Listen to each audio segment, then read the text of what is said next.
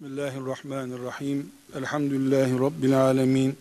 Ve sallallahu ve sellem ala seyyidina Muhammed ve ala alihi ve sahbihi ecma'in.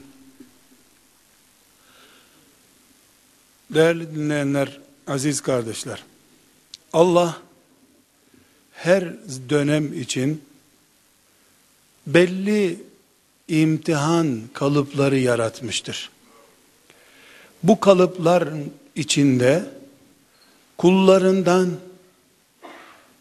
onu temsil edecek, hakkı fitnenin içinden, batılın hegemonyasından çıkarıp ayağa kaldıracak adamlar seçmiştir. Nasıl bir Firavun vardı, karşısında da Musa aleyhisselam vardı.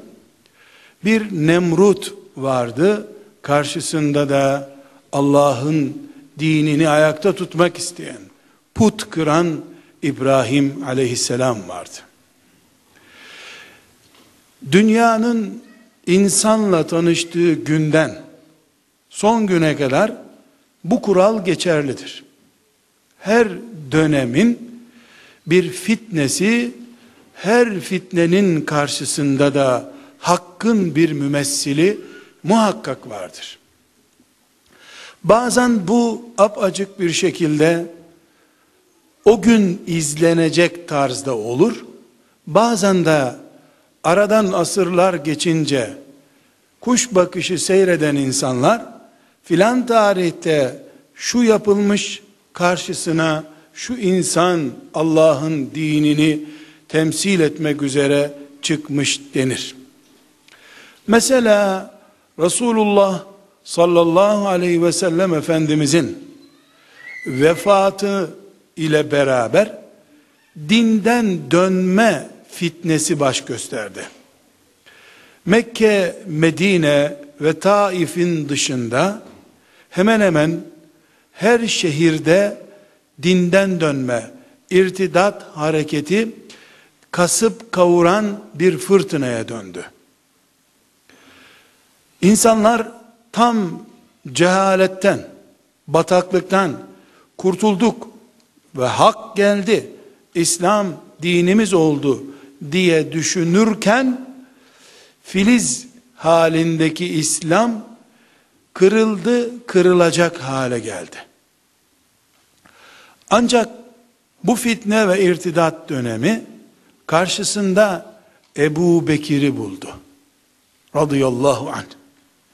Ebu Bekir'in Ömerce bile anlaşılamayan, Ömer'in bile takdir etmekte zorlandığı kat'i tutumu ve keskin kararları Resulullah sallallahu aleyhi ve sellem'den sonra ölümcül fırtınalar estiren irtidat, dinden çıkma, İslam'ı terk etme fitnesini iki yıl içinde söndürdü. Eğer o gün Ebu Bekir radıyallahu anh'ın keskin ve kesin durumu olmasaydı, mesela Ömer gibi ve onun gibi düşünen sahabilerin politikasıyla irtidat fitnesine karşı bir siyaset belirlenseydi, Allah bilir ya İslam 20. yılını zor bulurdu. Bunu daha sonra Ömer radıyallahu anh da böyle yorumladı. Yani Allah bizim göğsümüzü açmadığı şeye Ömer'in Ebu Bekir'in göğsünü açtı dedi. O bile çok esnek ve merhametli bir politika bu olayda irtidat olayında sergilediğini söylemiş oldu. Her dönemin bir fitnesi var. Ve her fitnenin karşısında Allah'ın kullarını imtihanı var. Bu fitneler Allah'ın iradesi dışında çıkmıyor. İlla Allah biliyor. O fitne çıkaran o zalim güçlere karşı da Allah'ın e, iradesiyle ortaya çıkan kulları var. Aynı şekilde o fitneleri ortaya çıkaran insanlar da Allah'ın izniyle bu işi yapıyorlar. Allah fitne çıkarıyor, çıkarttırıyor bazı kullarına. Binlerce, milyonlarca kulunu da ne yapacağını görmek istiyor. Bir takım onun verdiği canla, onun verdiği akılla, onun verdiği rızıkla ayakta tutan bazıları ezan yasak, Kur'an yasak diyor.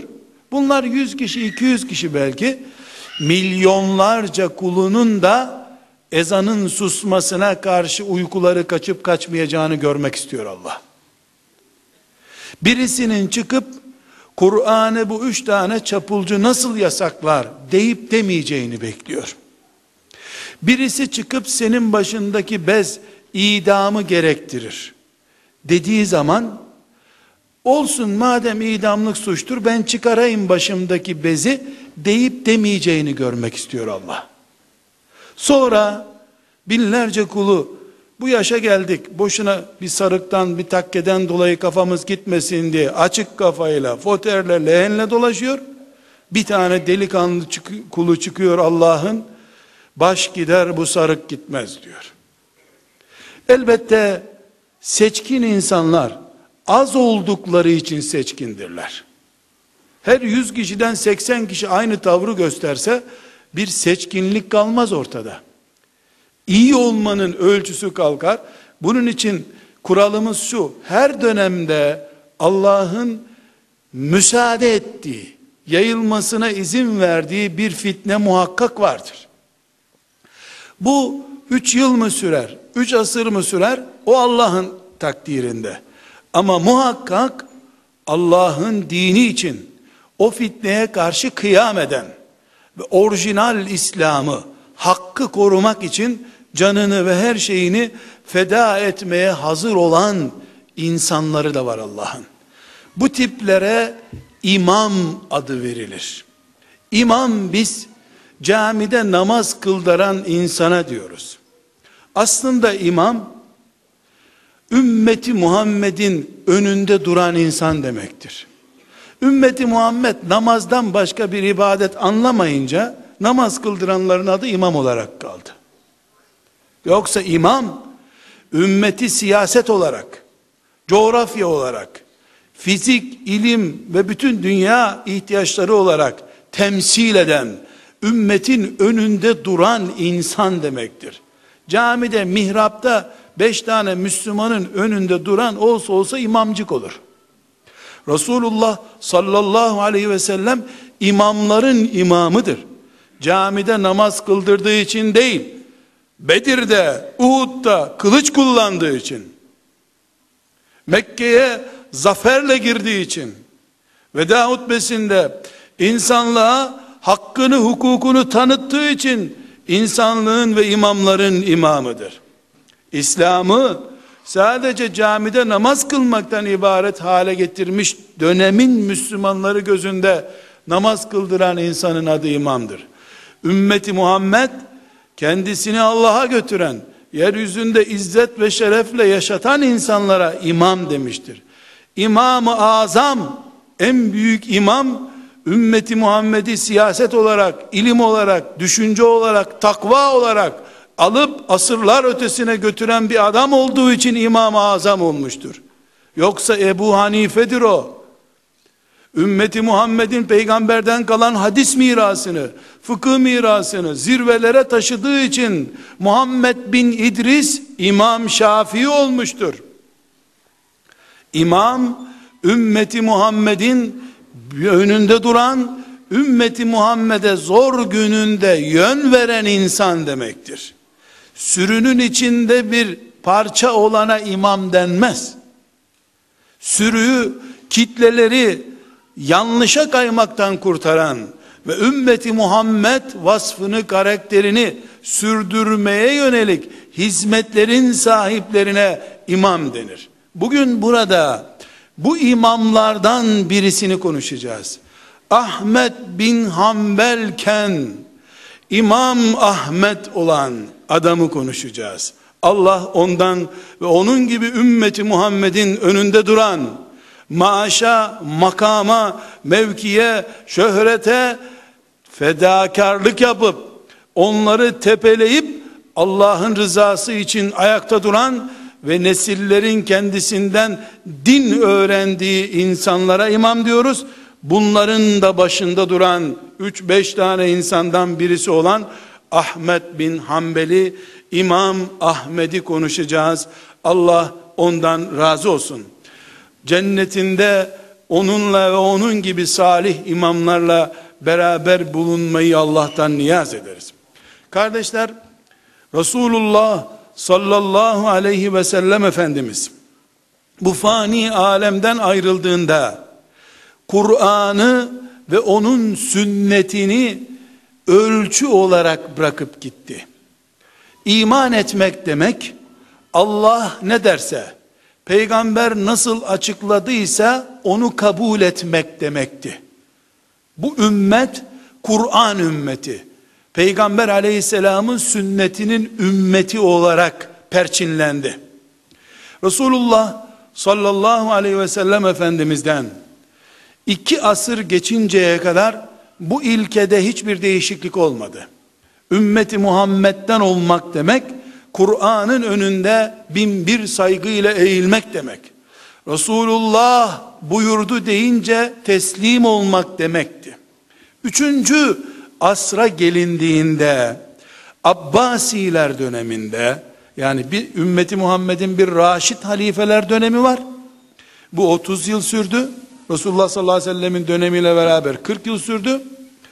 Ondan sonra bir Emevilik dönemi başladı. Bir yüz yılda yaklaşık olarak bu sürdü. Ondan sonra da bir de Abbasiler dönemi kuruldu. Abbasiler dönemi siyaset olarak, coğrafya olarak ve askeri mantıkla bakıldığında ümmeti Muhammed'in en zirvede olduğu dönemdir. İlim olarak da, düşünce olarak da ümmeti Muhammed zirveye çıkmıştır. O kadar ki bu zirvede artık iş bitti. Bundan sonra cihada bile gerek kalmadı mı acaba diye düşünülecek bir düzeye gelindi. Tabi bu düşünce doğru değil. Kıyamete kadar sebat etmesi gereken, devam etmesi gereken bir cihat var ortada. Üçüncü asrın başlarından itibaren Yunan felsefesi ümmeti Muhammed'e ilim olarak sızdı. Müslümanlar Kur'an, sünnet ve ikinci asrın ortalarından itibaren İmam Ebu Hanife'nin fıkhını okuyan bir kültüre sahipken ikinci asrın sonundan itibaren Abbasilerin Bağdat'ta kurdukları kütüphane devleti tam anlamıyla kütüphane devleti artık ilimde bir noktaya gelinmiş ki bundan sonrasında okunacak bir şey yok mu gibi düşünülüyor. Bir lüks olarak, fantazi olarak Yunan kültürü, felsefesi, aristokratlar bilmem neler bunlar Müslümanların kütüphanelerine sokuldu. Memun denen halife e, Yunanlardan bir kitap tercüme edenin kitabını terazinin bir kefesine koydu. Öbür kitabın öbür tarafına da terazinin altın koyup verdi. Yani 10 kiloluk bir kitap tercüme ediyorsun 10 kilo altın alıyorsun. İlim bu noktaya gelmiş. Bunu önceleri onlardaki matematik ve benzeri ilimleri alalım diye başlattılar. Öyle başladı. 30-40 senede Müslümanların arasında büyük matematikçiler, astronomi ile meşgul insanlar yetişti. Bu sefer matematik Yunan kültüründen Bağdat'a taşındı. Onlar Bağdat'tan gelip matematik okumaya başladılar. Çünkü Müslümanlar ele attıkları ilmi ibadet ve cihat niyetiyle meşgul oldukları için sınıf geçmek veyahut da işte bakkalda hesap yapmak niyetiyle matematik okumadılar. Bağdat'ta matematik öğretenler Kur'an öğretir gibi bunu öğrettiler. Zaten Kur'an bilen hafızlara matematik öğrettiler. Bir zaman sonra bu felsefe ne demek buna da bir bakalım gibi bir mantıkla felsefe kitapları da tercüme edilmeye başlandı. Çok ciddi telif ücretleri, tercüme ücretleri ödendi. 200'lü yıllardan 210-220'lerden itibaren Bağdat'ta felsefe Yunanlardan daha iyi noktaya geldi bu sefer. Çünkü zeki insanlar ibadet heyecanıyla, aşkıyla felsefeye sarıldılar. Yani Allah'ın rızası bundadır belki. Bun, felsefenin ne olduğu bilinmiyor aslında.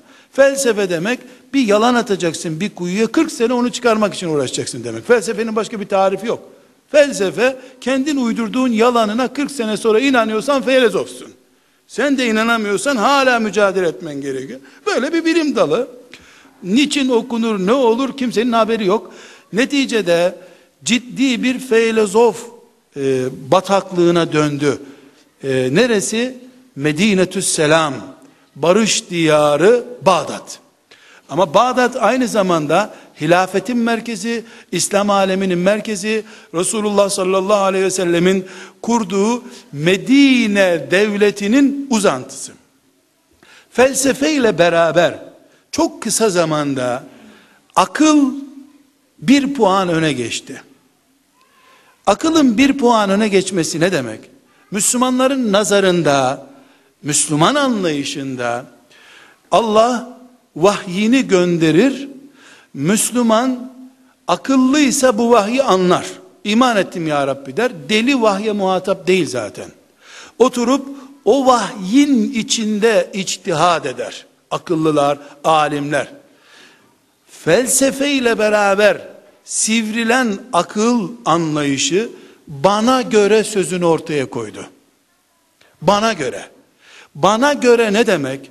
Allah ayet indiriyor, peygamberi hadis söylüyor, amenna demiyor. Bana göre bu böyle olmalı diyor. Bu sefer akıl vahyin kabı iken vahyin filtresi haline geldi. Ne demek vahyin kabı iken Allah vahyini, ayeti, peygamberin hadisini insanın aklına koyuyor. Bununla amel et diyor. Ama hesap sorma. Hesap sormak yok. Kap bu çünkü. Senin aklına Allah koyuyor. Ona göre namaz kılıyorsun. Ona göre iman ediyorsun. Kadere iman ediyorsun. Fakat vahiy filtreden geçince bana göre demeye başladı mı Müslüman? Vahiy Allah'ın e, vahyi kaba değil filtreye takılmış oluyor. Bir sürü Müslümanlar başladılar bu sefer. Mesela ilk çıkardıkları şey ne oldu? Canım Allah insanları cehenneme koyacağı yok. O kadar merhametli bir Allah cehenneme koyar mı? Analar nasıl çocuklarını döverim seni diye korkutup dövemiyor.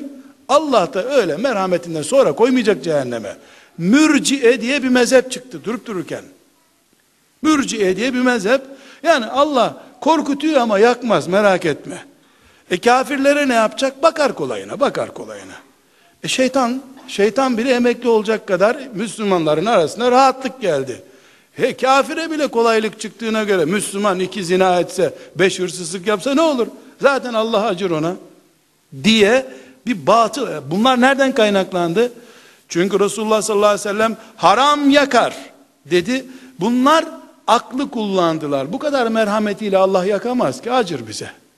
Akıl filtre vazifesi görünce istediğini eledi, istediğini geçirdi, oldu. Sonunda ikinci asrın sonundan itibaren Mu'tezile diye bir mezhep çıktı. Bu Mu'tezile mezhebinin temel mantığı bugünkü ilahiyatçı kafası. Bana göre. Ebu Hanife de adam, ben de adam. Hadis böyle diyor ama ama diyen bana göre diye mezhebin adı. Tam şimdiki o sakal yok, bıyık yok, sabah namazı kılmak yok. Ama ilahiyatçı vasfıyla ümmeti Muhammed'e yön verenler var ya. Adam camide hayatta görülmemiş. Sabah namazına gitmez. Öğle namazında vakti yok. Kadınla tokalaşır, erkekle kucaklaşır. Hiçbir sakıncası yok. Fıkıh uzmanı, hadis uzmanı, tefsir uzmanı. O mantık işte bu. Bana göre ama ama Allah'tan ayet duyuyor. Peygamberden hadis duyuyor ama ama yani kendine göre itirazlar var. Ben Müslümanım demiyor. Ben Müslümanım diyor ama Müslümanlığının karşılığında Allah'a cevap verme hakkı görüyor kendisinde. Senin ayetin şimdilik uygulanmaz diyor. Senin peygamberinin hadisi şimdilik uygulanmaz. Bunu direkt söylemiyor. Direkt söylese Müslümanlar tepki gösterecek. Şeytan bile zaten böyle bir şeye direkt yatırım yapmaz. Bunu ne yapıyor? Fakat diye başlayan açıklamalarla hep yapıyor. Neticede Abbasilerin başındaki halifeler, Memun, Mutasım, Divasik denen adamlar, bunlar Harun Reşid'in çocukları hep. meşhur Harun Reşit'in çocukları zirvede bir İslam devleti e, ordusu çok güçlü. Mesela Muhtasım'ın sadece muhafızları 70 bin kişiden oluşuyor.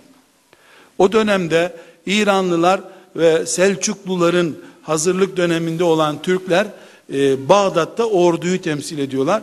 Sadece Türklerden seçtiği ordudaki korumaları 70 bin kişi. Bağdat nüfusu ne kadar Bağdat'ın mesela? 70 bin koruma asker var. Sonra İslam ordusu için Bağdat'ın etrafında kurulan kışlalar şehir haline dönmüş. Çok 500 bin kişilik ordusu var. Abbasi hilafetinin o günlerde büyük bir İslam devleti e, sınırları bugünkü Özbekistan'dan Nijerya'ya kadar uzanmış. Endülüs'te yani Paris'e kadar gelinmiş. Paris sınırlarına en Kuzey Afrika'dan Paris'e kadar büyük bir devlet. Üzerinde bugün saymadım ama 50'den fazla devlet var bu toprakların. Ve bunların üzerinde bir de yani Kazara Abbasi halifesini sinirlendiren bir devletin sonu gelmiş. Güçlü bir ordusu var. Allah yardım ediyor. Böyle bir devlet Resulullah sallallahu aleyhi ve sellemin mirası olan hilafeti elinde tutan bir devlet Mutezile mezhebini resmi mezhep olarak kabul etti. Fırtına buradan koptu. Mutezile mezhebi yani aklı kap olmaktan filtre olmaya çıkaran mezhep halifenin de benimsediği bir mezhep olunca bu sefer Resulullah sallallahu aleyhi ve sellemin sünneti tartışmaya açıldı. Nasıl şimdi açık oturumlarda bana göre diye başlıyor işte ilim adamları, bilim adamları denenler. O zaman aynı şeyler yapıldı. Şimdi televizyonlarda açık oturumlar yapılıyor. O zaman halifenin önünde, valinin önünde, kadının önünde bu tip ilmi toplantılar yapılıyor. Bu tartışmalar esnasında aklı kıt, Zehebi'nin deyimine göre mulhit, dinden çıkmış bir hain tuttu, bir felsefe ortaya attı. Kıyamete kadar cevabı verilmez bir şey. Ama yüzlerce insanın bu uğurda hayatı gitti. Biraz sonra anlatacağımız Ahmet bin Hanbel bu yüzden helak oldu, işkenceler çekti. Dedi ki bu hain, Kur'an, Allah'ın Kur'an'ı, acaba Kur'an olarak Allah'ın sözü müdür, mahluku mudur? Bu ne demek? Yani Allah konuştu mu Kur'an'ı yoksa insan yaratır gibi Kur'an'ı da yarattı mı? Öyle olsa ne olur, böyle olsa ne olur? Yani diyelim öyle böyle bir şey değişiyor mu? Yok. Ama adam kadıl kudat görevine yani şimdiki Yargıtay Başkanlığı görevine gelmiş. O görevde bir felsefe üretmesi lazım uzun dönem orada kalmak için. Abbasi gibi bir İslam devletinde sen kalkıp da şiir söylesen kim takar senin şiirini? Herkesi ilgilendiren bilimsel tartışmalara neden olacak bir şey uydurmuş. Resmen uydurma bu. Bu sefer halifenin hoşuna gitmiş bu. Hakikaten ya Kur'an mahluk mudur, kelam mıdır? Yani Allah'ın sözü mü, yaratığı mı? E sözü olsa ne olacak? Yaratığı olsa ne olacak? Tutmuş, halifeyi ikna etmiş. Bütün Müslümanlar Allah'ın mahlukudur, yaratıktır Kur'an. Allah ot yaratır gibi Kur'an'ı da yarattı. Denmesi lazım. Böyle demeyen kafir olur demiş. Halife de ya demek ki insanları küfürden kurtarmamız lazım. Tek tek en üstten bürokratlardan başlayarak resmen herkese beyanda bulunma şartı getirmiş. Herkes beyanda bulunacak. Sen Kur'an'ı Allah'ın sözü mü görüyorsun, yaratık mı görüyorsun? Halifenin tavrı belli. Kadıl Kudat'ın, Yargıtay Başkanı'nın görevi belli. E, üst bürokratlar belli. Tabi canım Allah'ın yarattığı, Allah onu da yarattı. Allah onu da yarattı. Şimdi aslında hainler becerebilselerdi de İslam protestanlığa dönseydi, biraz sonra onu konuşacağız. Şimdi ne çıkmış olacaktı? Eğer Allah'ın kelamıysa bu, Allah'ın sözü ise sen Allah'ın sözüne nasıl müdahale edeceksin? Allah'ın yaratıysa koyuna ot yedirdiğim gibi veyahut da işte filan ağacı kesip yonttuğum gibi Kur'an'la da oynayacak o zaman. Asas dert o. Asas sıkıntı o. Şimdi Allah'ın kelamıdır dediğin zaman E, Allah'ın kelamı mücerret bir nesne değil onunla nasıl uğraşacaksın? Ama Allah'ın yaratığıdır bu. Tamam ağaç kesip sandalye yaptın, kesip masa yaptın. Kur'an'ın o suresini oraya koyacak, bu suresini buraya koyacak. Bir 30-40 sene bunu tartıştıracak. Tıpkı tıpkı Tevrat'ı Yahudilerin zevkine göre o suresini buraya bu suresini buraya koyup o ayeti çıkar bu ayeti Paham yazdı bunu filanca beğendi dedikleri gibi oynanacak Kur'an istiyorlar. Bunun için yaratıktır. Kur'an yaratıktır gibi bir şey. Yani bunu 100 tane deliye tartıştırsan gene bu konuyu altından çıkamazlar. Yüz akıllı da zaten bunun altından çıkamaz. Fakat şöyle bir sorun çıktı. Şimdi Abbasi devleti zengin bir devlet. Bir yere seni kadı tayin ettiği zaman veya filan alimi medreseye görevli tayin ettiği zaman asgari ücret vermiyor. Keseyi altın doldurup veriyor. Altın kese kese kese altın veriliyor maaş olarak. E bu da neyi gerektiriyor? Seni o görevden aldığın zaman lüks bir hayattan sefil bir hayata düşeceksin. Bu nedenle makam bugünkünden daha değerli. Bugün mahkemeye falan gidiyorsun o zaman mahkemede yok. Gene hiç olmasın Siirt'e, Şırnağa bir yere sürüyorlar seni şimdi. Yani asgari ücretli olsa maaşın devam ediyor. O zaman o imkanın da yok. Bürokratları sırayla temizlediler. Yani bürokratların önüne beyan koydular. Geldi valinin önünde, halifenin önünde. Kur'an yaratıktır canım Allah Allah. Deyip sonra namaz kılmaya devam ettiler. Sıra alimlere geldi. Ama alimler derken kardeşler, yani cami imamlarını kastetmiyoruz. İşte Ahmet bin Hanbeller, İmam Şafii'nin talebeleri, İmam Malik'in talebeleri, ağır toplar, İmam Buhari'nin hocaları, İmam Müslim'in hocaları yani böyle alim kelimesiyle onları anmaktan haya ediyorum ben. Yani ilim ve alim onlarla uyuşan bir kelime değil çünkü bize de alim deniyor şimdi. Eğer biz alimsek böyle iki kelime konuştuk diye onlara kelime bulalım. Onlar alimse ben kendime yer bulamıyorum. Onları başka bir isimle Rabbani alim olarak anmak istiyorum. Alimleri e, Halife Memun sırayla beyan mecburiyetine tabi tuttu. Kur'an hakkında düşünceniz nedir dedi. Şimdi insanlar üç tane beş tane alimin ağzına bakıyorlar. Tuttu maalesef alimler biraz önce bahsettiğim gerekçeden dolayı devlet zengin, sosyal hakları çok güçlü. O makamdan olmaktan çekindiler. Kimi e, Halife Hazretlerinin buyurduğu gibidir canım deyip kıvırdı kaçtı. Kimi de önemli olan gece Kur'an okumaktır. Allah'ın şeriatını okumaktır. Bu arada tabi hırsızın kolu kesiliyor, zinaya ceza veriliyor, Kur'an tatbik ediliyor. Şeytanın derdi bir delik açmak. Yani bir yaratıktır de bin kere tatbik et Kur'an'ı. Zarar yok canım Kur'an'ı tatbik et. Gene Kur'an yaşansın. Sen bir del bir yerden. Bir yerden şu baraja bir delik aç gerisi kolay. Şeytanın hedefi o. Şimdi alimler çok ciddi tavır gösteremediler. Kimisi kaçtı hacca gitti, kimisi köyünden gelmedi.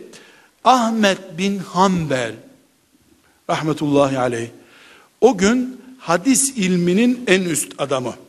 Ahmet bin Hanbel kardeşler hadis deyince İmam Buhari'nin hocası, İmam Müslim'in hocası, Tirmizi'nin hocası, Ebu Davud'un hocası, Nesai'nin hocası.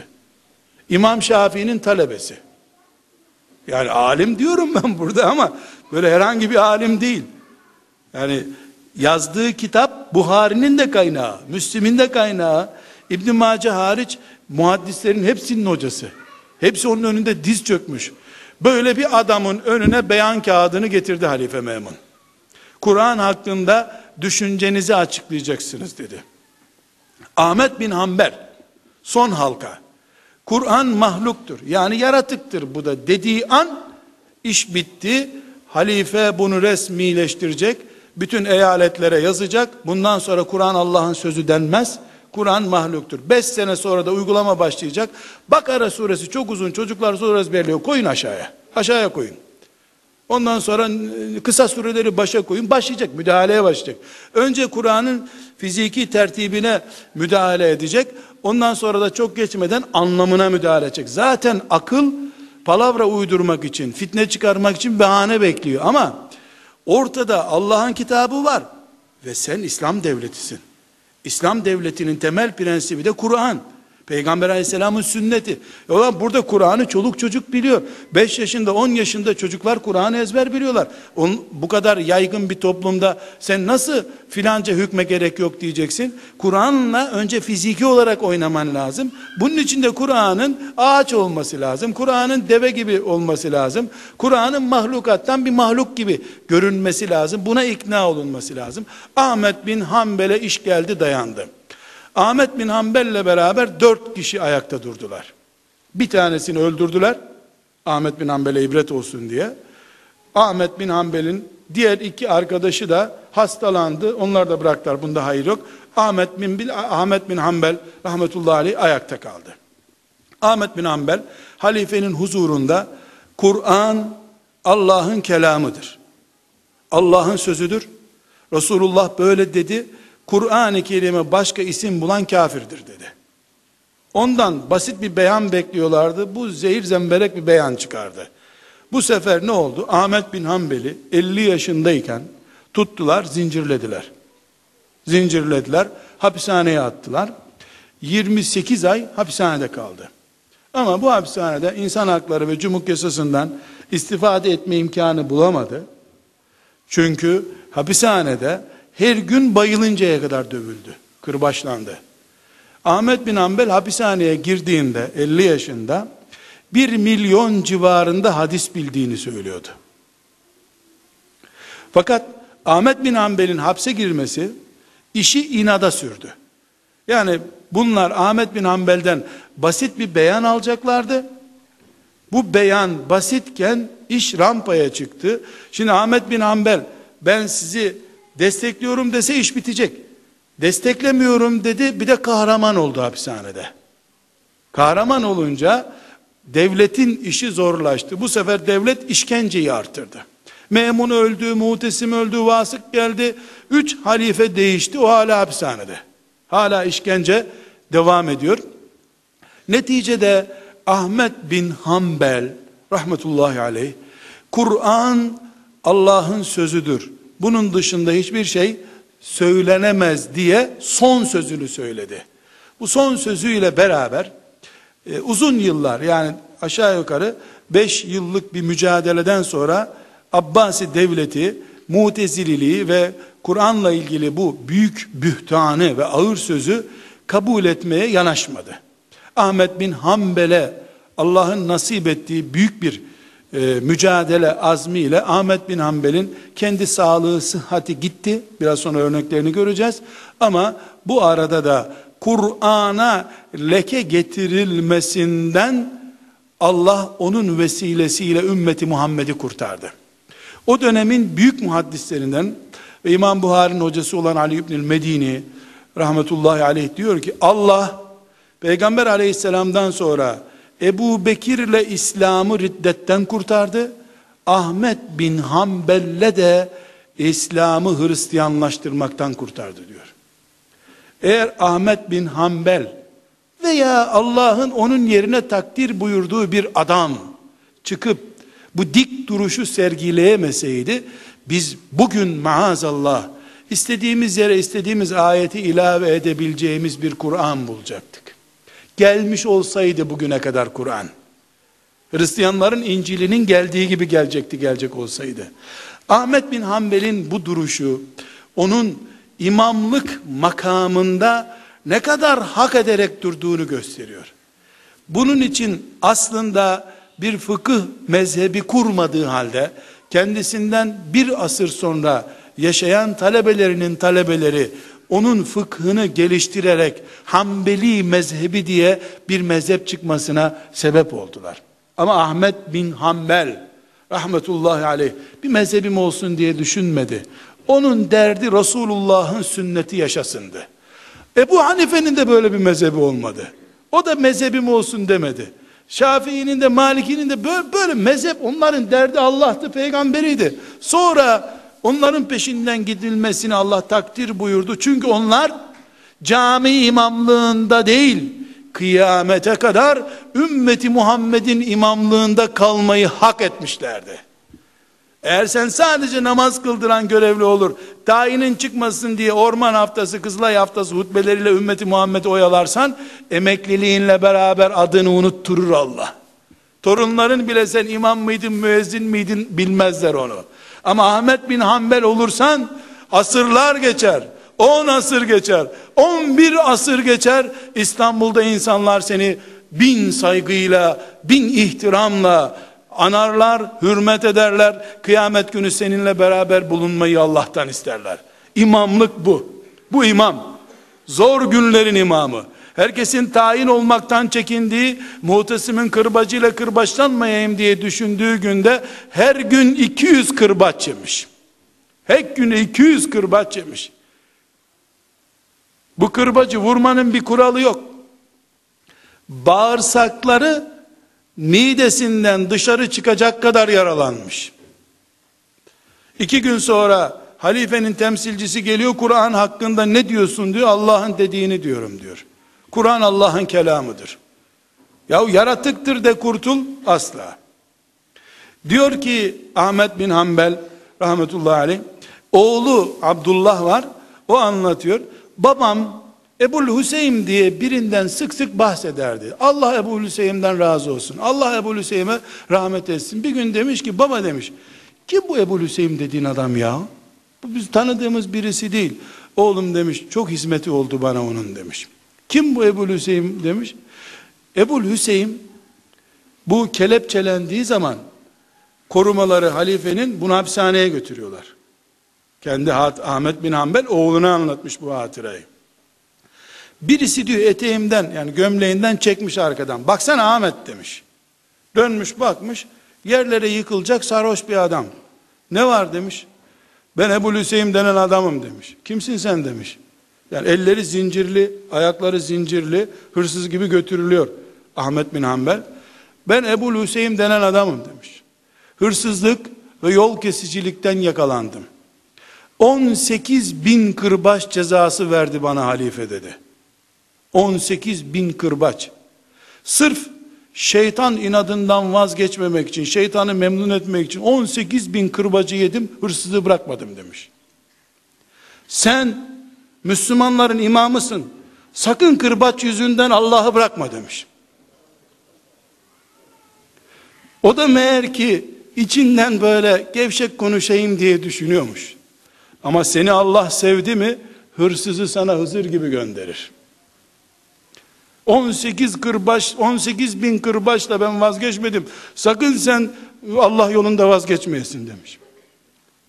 Hırsızların bile, yol kesicilerin bile hizmet ettiği bir mantığa Allah onu ulaştırmış. Bu o rahmetle ve hayırla anmış daha sonra bunu. Yani o gün ona moral ve destek olmuş. Ee, arkadaşlarımdan kendi yine kendisi diyor ki arkadaşlarımdan biri diyor ellerim kelepçeli diyor beni hapse götürüyorlar namaz molası verilmiş gardiyanlar Ahmet bin Ambel halife namaz vakti olunca hepsi namaz kılıyorlar zaten Kur'an'a hizmet için bu fitne çıkmış kimse kötü bir niyet taşımıyor herkesin niyeti iyi herkes Allah rızası için şeytanı da Allah rızası için görüyorlar e peygamberi de Allah rızası için tabi olduk peşinden gittik düşünüyorlar e, diyor ki Cafer diye bir arkadaşı var ya bu Cafer diye bir arkadaşı var. Önüme gelmiş demiş ki Ahmet demiş. Çok üzgünüm senin bu halde görüldüğüne yani elleri zincirli, ayakları zincirli, eşkıya gibi götürülüyor. Ümmeti Muhammed'in peygamberinin mirası olan hadisin en büyük alimi o dönemde götürülüyor. Diyor ki sana bir ricam olacak diyor. Bak diyor biz namazı da bıraksak, zina da yapsak yuvarlanır gideriz cehenneme bir şey olmaz diyor. Sen bu ümmetin başında duruyorsun. Sakın, sakın taviz verme. Bağdat seni bekliyor. Yaratık kelimesini kullandığın an herkes bunu söyleyecek. Kıyamet günü bu kadar kafirin günahıyla dirilirsin dikkat et demiş. Çünkü Ahmet bin Hanbel de tavizi verdiği zaman İnsanların mazereti hazır. Milyonla hadis bilen bir alim de böyle dediyse bana ne? Diyecek insanlar. Sen ümmetin önünde duruyorsun. Kırbaç yiyeceksin, diline dikkat edeceksin demiş. O da demiş ki bu kadar iyi düşüncen var senin. O zaman dua et arkamdan demiş. Kendine güveni de yok. Nefis taşıyor. Kırbaç yiyorsun. Aç bırakıyorlar. Susuz bırakıyorlar. Kardeşler Ahmet bin Hanbel 28 ay kırbaç yedi. Her gün. Her gün 28 ay kırbaç yedi. Oğlu diyor ki babam her gün 300 rekat nafile namaz kılardı diyor. 7 günde bir de hatim indirirdi diyor. 5000 talebeye de hadis okutuyormuş Bağdat'ta. Nasıl vakit buluyormuş bilemiyorum. Talebeleri 5000 kişiymiş yaklaşık. Babam zindandan çıkıp eve geldikten sonra çok istedi ama 150 rekattan fazla kılamadı artık diyor.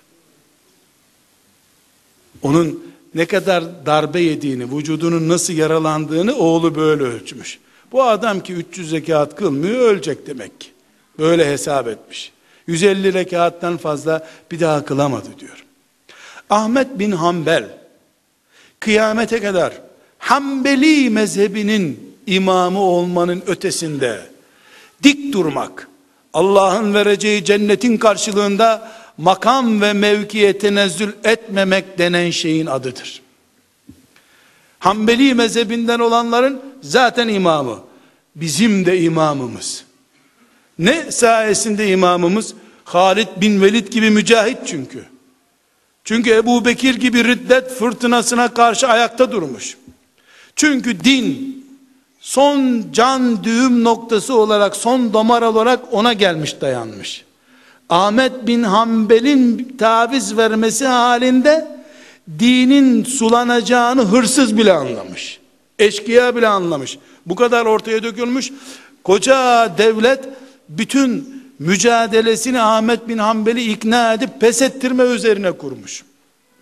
Bu büyük, bu dev projede Ahmet bin Hanbel'in üstlendiği rol sadece Bağdat'ta, sadece Suudi Arabistan'da, Mekke'de, Medine'de Hanbeli mezhebinin imamı olmasıyla yetinilecek, kifayet edilecek bir, bir derece değil. Kıyamete kadar Ahmet bin Hanbel ümmeti Muhammed'in büyüğüdür Allah ondan razı olsun.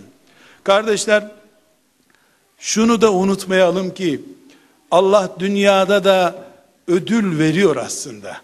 Bakın Mekke ve Medine'de 70 senedir Ahmet bin Hanbel'in mezhebine göre namaz kılınıyor. Her gün Mekke'den Medine'den namazlar bütün dünyaya canlı olarak yayınlanıyor. İnsanlar onun mezhebini Kabe'nin önünde uygulanır görüyorlar. Dik duruşun dünyadaki karşılığı olarak bu yetmez aslında. Ama dünyada bile Allah'ın verdiği karşılık var. Onun için ya alim olma, hadis fıkıh okuma ya da senin canın, makamın, maaşın dininden Resulullah sallallahu aleyhi ve sellemin tek bir sözünden daha değerli olmayacak. Bir hadisi şerif için fizzana sürülmeye razı olacaksın. Tek bir hadisi şerifi evirip kıvırmadan konuşacaksın. Ömrünün sonuna kadar zindanlarda çürümeye razı olacaksın. Bu dava o davadır. Herkes tayin edilmekten sıkılır. Herkes çoluk çocuğum emekliliğim düşünürse bu dini kafirler sulandırmaz mı? Şeytan Ahmet bin Hanbel'i ikna edebilseydi o gün din bize nasıl gelecekti? Ama Ahmet bin Hanbel şeytanı ve şeytana yar olanları mağlup etti. Bunun için ümmeti Muhammed hadiste İmam Ahmet'tir diyor. Fıkıhta İmam Ahmet'tir diyor. Dil bilgisinde Arapçada İmam Ahmet'tir. Kur'an en iyi kimin dilinde? Ahmet bin Hanbel'in dilinde. Zühd, dünyaya tenezzülsüzlük, mala tenezzülsüzlük Ahmet bin Hanbel'in işi. Ahmet bin Hanbel'in işi. Dünyaya tenezzülü yok. Daha sonra Abbasi halifeleri yaptıkları hatayı anlayıp tövbe istiğfar edince Ahmet bin Hanbel'i ağırlığı kadar altına boğmak istemişler. Halife törenlerle, ekipleriyle, korumalarıyla gelmiş. Bu evde yatıyor. İstira, yani rahatsız. Çünkü hapishaneden çıktıktan sonra ayakta duracak hali hiç olmadı. 6 sene kadar daha yaşadı ondan sonra. Yani evinde gelenlere fetva verecek halde oldu. Sakatladılar resmen. Çürüttüler vücudunu. Halife özür diledi, geldi, evini donatalım dedi. Yemin etti bunları alamam dedi. Halifenin koruması kulağına eğilmiş demiş ki imam Allah'ını seviyorsan böyle yapma. Bu işi zor düzelttik zaten. Yine seni kara listeye alacaklar. Bir daha başımızı belaya sokma demiş. Bu ümmetin hatırı için al bu hediyeleri demiş. O da halifeye demiş buraya bırakabilirsin demiş. Halife gidince oğlu Abdullah'ı çağırmış. Çabuk çabuk gözümü kapatmadan bunları götür demiş. Fakirlere dağıt demiş. Dağıt dediği keseler dolusu altın. Halife özür dilemek için getirmiş. Dünyaya tenezzülsüz ama Allah'a razı. Cennete razı. Kevser'den içmek için hazırlanıyor. Ahmet bin Hanbel sünnetin başı kardeşler. Yazdığı müsnet kitabında yaklaşık 28 bin hadis var. 800'e yakın sahabinin 800'e yakın sahabinin nerede kime ders verdiğini takip etmiş bulmuş sahabinin talebelerinin talebelerini gidip bulup ayaklarında o hadisleri öğrenmiş kitabına kaydetmiş. Müsnet ne demek biliyor musunuz? 28 bin hadisi nasıl toplamış? Ebu Bekir radıyallahu anh'ın 200 tane hadis öğrettiğini biliyor. Nerede? Abdurrezzak diye biri var Sana'da. Yürüyerek Sana'ya gitmiş. Sen Ebu Bekir'in talebesinin talebesi misin? Evet demiş. Ondan kaç hadis biliyorsun? 200 hadis. Onları bana öğretsene demiş. İki ay orada kalmış onları öğrenmiş. Ebu Hureyre'nin 2000 tane hadis söylediğini, onu da talebesinin talebesi işte Yemen'de filanca diyor. Atlıyor gidiyor Yemen'e ondan onları topluyor. Müsnet bu demek. 800 sahabinin 5000 kadar talebesini köy köy dolaşıp Resulullah'ın mirasını toplamış. Allah ondan razı olsun. Ve bugün bizim Müslümanlık olarak, din olarak, hadis olarak, Resulullah olarak bildiğimiz şeylerin yüzde doksanı Ahmet bin Hanbel'e dayanıyor. Ama onu sulandırsalardı, o da peki canım siz de doğru söylüyorsunuz. Halife Hazretlerinin bir bildiği vardır filan deseydi o da bir defa her şeyden önce makamı için, mevkii için veya elindeki imkanlar için mesela oğlu kadıymış. Rey şehrinde oğlu kadıymış. E, oğlunun kadılık makamı elinden gitmesin diye evet deseydi o. Biz bir defa böyle sulu bir adamın kitabına itibar edip Resulullah böyle diyor demeyecektik. Böyle bir adam sulu bir adam olduğu için Buhari yetişmemiş olacaktı. Müslim yetişmemiş olacaktı. Ebu Davud yetişmemiş olacaktı. Din nereden bulacaktık biz o zaman? Bunun için Ahmet bin Hanbel Hanbeli mezhebinin imamı değil. Allah diyen, Kur'an okuyan her müminin imamıdır. Kıyamet gününe kadar. Bu ona şeref olarak şüphesiz yeter. Kardeşler Ahmet bin Hanbel zühd demek. Takva demek, ilim demek. Ahmet bin Hanbel Allah için iş yapmak demek. Beş defa hac yapmış. Üç tanesini Bağdat'tan Mekke'ye yürüyerek gitmiş. Çıplak ayağıyla yürüyerek gitmiş. 40 yaşına kadar Resulullah'ın sünnetini öğreniyorum diye evlenmemiş. 40 yaşında son sahabinin hadislerini de toplayıp müsnedi yazdıktan sonra şimdi evlenebilirim demiş evlenmiş. 6 ay sonra 7 ay sonra hanımı vefat etmiş bir daha evlenmiş. Evliliği, yemesi, içmesi, zevkleri her şeyi Resulullah'a kilitlenmiş bir insan. Burada biz normal bir cami imamını konuşmuyoruz. Ümmeti Muhammed'in zor günlerinde, zor işlerinde ayakta duran, taviz nedir bilmeyen, Allah'tan başkasından korkmayan Ahmet bin Hanbel'den konuşuyoruz. Bunun için ki Allah herkesi sevdiğiyle beraber, herkesi yüreğinde geçen kimseyle beraber bir arada tuttuğuna göre bizim de Allah'tan temennimiz odur ki böyle pozisyonlarla karşılaşmayalım. Böyle ya Allah ya da makam ya çocuk ya da makam ya da işte filanca diye böyle zor bir imtihana tabi tutulmayalım biz dileriz. Ama kazara böyle bir imtihan da başımıza gelirse Ahmet bin Hanbel önümüzde örnektir. Allah'ın izniyle Ahmet bin Hanbel'in yaşadığımız zamandaki örneği olmayı isteriz Allah'tan. Ne yazık ki kardeşler şimdi elde ettiği basit beş kuruş etmez. Nihayetinde rüşvet vererek bile elde edilebilecek bir doktora tezini kaybetmemek için alim kılıklı insanların ne kadar büyük tavizlere imza attıklarını görüyoruz. Onların haline bak. Bir de Ahmet bin Hanbel'in haline bak. Şimdi diyorlar ki e canım filanca mezhebin insanı da Kur'an'dan okuyor biz de Kur'an'dan okuyoruz. Niye biz söylememiş olalım? Kardeşim sen fakültede bir bölümden öbür bölüme seni geçirirler diye rüyaların kaçıyor. Rüyaların kaçıyor senin. Ahmet bin Hanbel'in nesine kendini kıyas ediyorsun? Ki kardeşler bu dayak hayatından, işkence hayatından Ebu Hanife'de nasibini almıştır. O da hapishanede ölmüştür.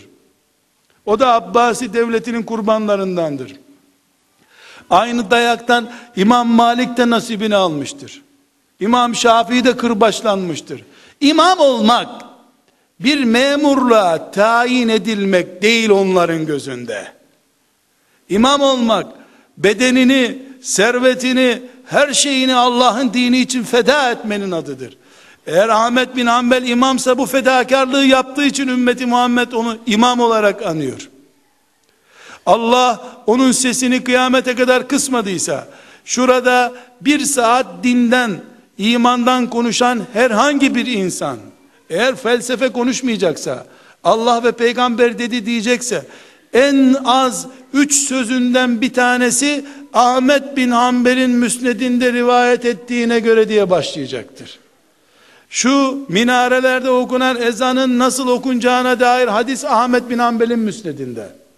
Herhangi bir imam hutbe okuyacağı zaman Allah diyor ki, peygamber diyor ki diye başlayacağı zaman Ahmet bin Hanbel'i anmak zorunda. Var mı yeryüzünde bir insan? Yüz binlerce cami var. Milyondan fazla cami var yeryüzünde. Her cuma günü senin kitabının adı anılmak zorunda orada. Beytullah'ın etrafında kılınan cuma namazında da, Mescid-i Nebi'de kılınan cuma namazında da, belki hatip 10 defa, 20 defa, Ahmet bin Hanbel'in müsnedinde yaptığı rivayete göre Resulullah şöyle dedi diyor. Bu ne büyük şereftir, bu ne büyük imamlıktır ki, kıyamete kadar yaşayan milyarlarca müminle Resulullah arasında köprüsün sen. İmamlık budur. Hocalık da budur, alimlik de budur. Kardeşler, tekrar sözümüzün başına dönelim. Allah her döneme bir fitne, bir imtihan yarattı. Abbasilerin imtihanı buydu. Ebu Bekir'in dönemindeki imtihan da irtidat imtihanıydı. İskilipli atıfımızın imtihanı da o imtihandı. O da bizim imamımız inşallah. O da zor günlerde boyun bükmedi. Bir bez parçası diyemezsin bu sarığa dedi. Asılacağını bildi, müdafasını yırttı. Her dönemin bir imtihanı var. Şu kadar ki bazı imtihanların imtihan olduğu bir asır sonra anlaşılıyor. Şimdi ailemiz içerisinde kim bilir ne kadar imtihan olduğumuz konular var. Teknoloji hayranlığımızın bize ne ağır imtihan kayıpları getireceğini bilemiyoruz. Çocuklarımızı Kur'an-ı Kerim'i tatil aylarında okur çocuk olarak büyütmenin bedelinin hangi imtihan olduğunu belki 50 sene sonraki nesil anlayacak. Her dönemin bir imtihanı var. Her dönemin ya Ahmet bin Hanbelleri olacak ya da makamından dolayı bin bir tavize hazır olan sulu alimleri, sulu Müslümanları, esnek imanlıları olacak. Herkes Ahmet bin Hanbel'e, onun akıbetine ve taviz verenlerin akıbetine iyi bakıyor olması lazım. İskilipli Atıf da alimdi. Öldü gitti mi acaba? Ahmet bin Hanbel de alimdi. Evet, dik duramadı, hasta duram hasta halinde yatağında durdu. Ama imanını dik tutuşu onu ebedileştirdi. Ahmet bin Hanbel ölmedi. Kıyamete kadar yaşıyor. Ama onunla uğraşanlar, Kur'an yaratık mıdır, kelamullah mıdır diye ömrünü çürütenler, cehennemin neresinde kaynadıklarını biz bilmiyoruz. Sadece Allah biliyor. Ahmet bin Hanbel, ümmeti Muhammed'in imamıdır. Fıkhın imamıdır. Ehli sünnetin imamıdır. Bu sözümün kenarına bir küçük not düşerek sözlerimi kapatmak istiyorum. Kardeşler, cahillik baş belasıdır. Bazı Müslümanlar çağımızdaki fikir akımlarını tenkit edeceğiz diye mesela diyorlar ki haremdeki imamlar Hanbeliymiş onların arkasında namaz kılınmaz. mahşer yerini hatırlatmaktan başka bir cevap bulamıyorum. Keşke, keşke sen de laiklik nedir bilmeseydin de en basit Hanbelilerden biri olsaydın. Türkiye'nin saygın şeyh efendilerinden bir tanesi dedi ki Mekke'de bulunduğum günlerde sen dedi bu adamların arkasından namaz kılıyor musun dedi. Niye dedim? Bunların mezhebin olduğu belli değil dedi. Dedim efendi bunların mezhebi belli.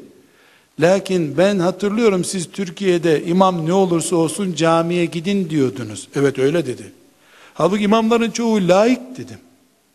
O dönemde de 80 Eylül ihtilali vardı. Memurlara laiklik imzası attırılıyordu imamlar başta olmak üzere.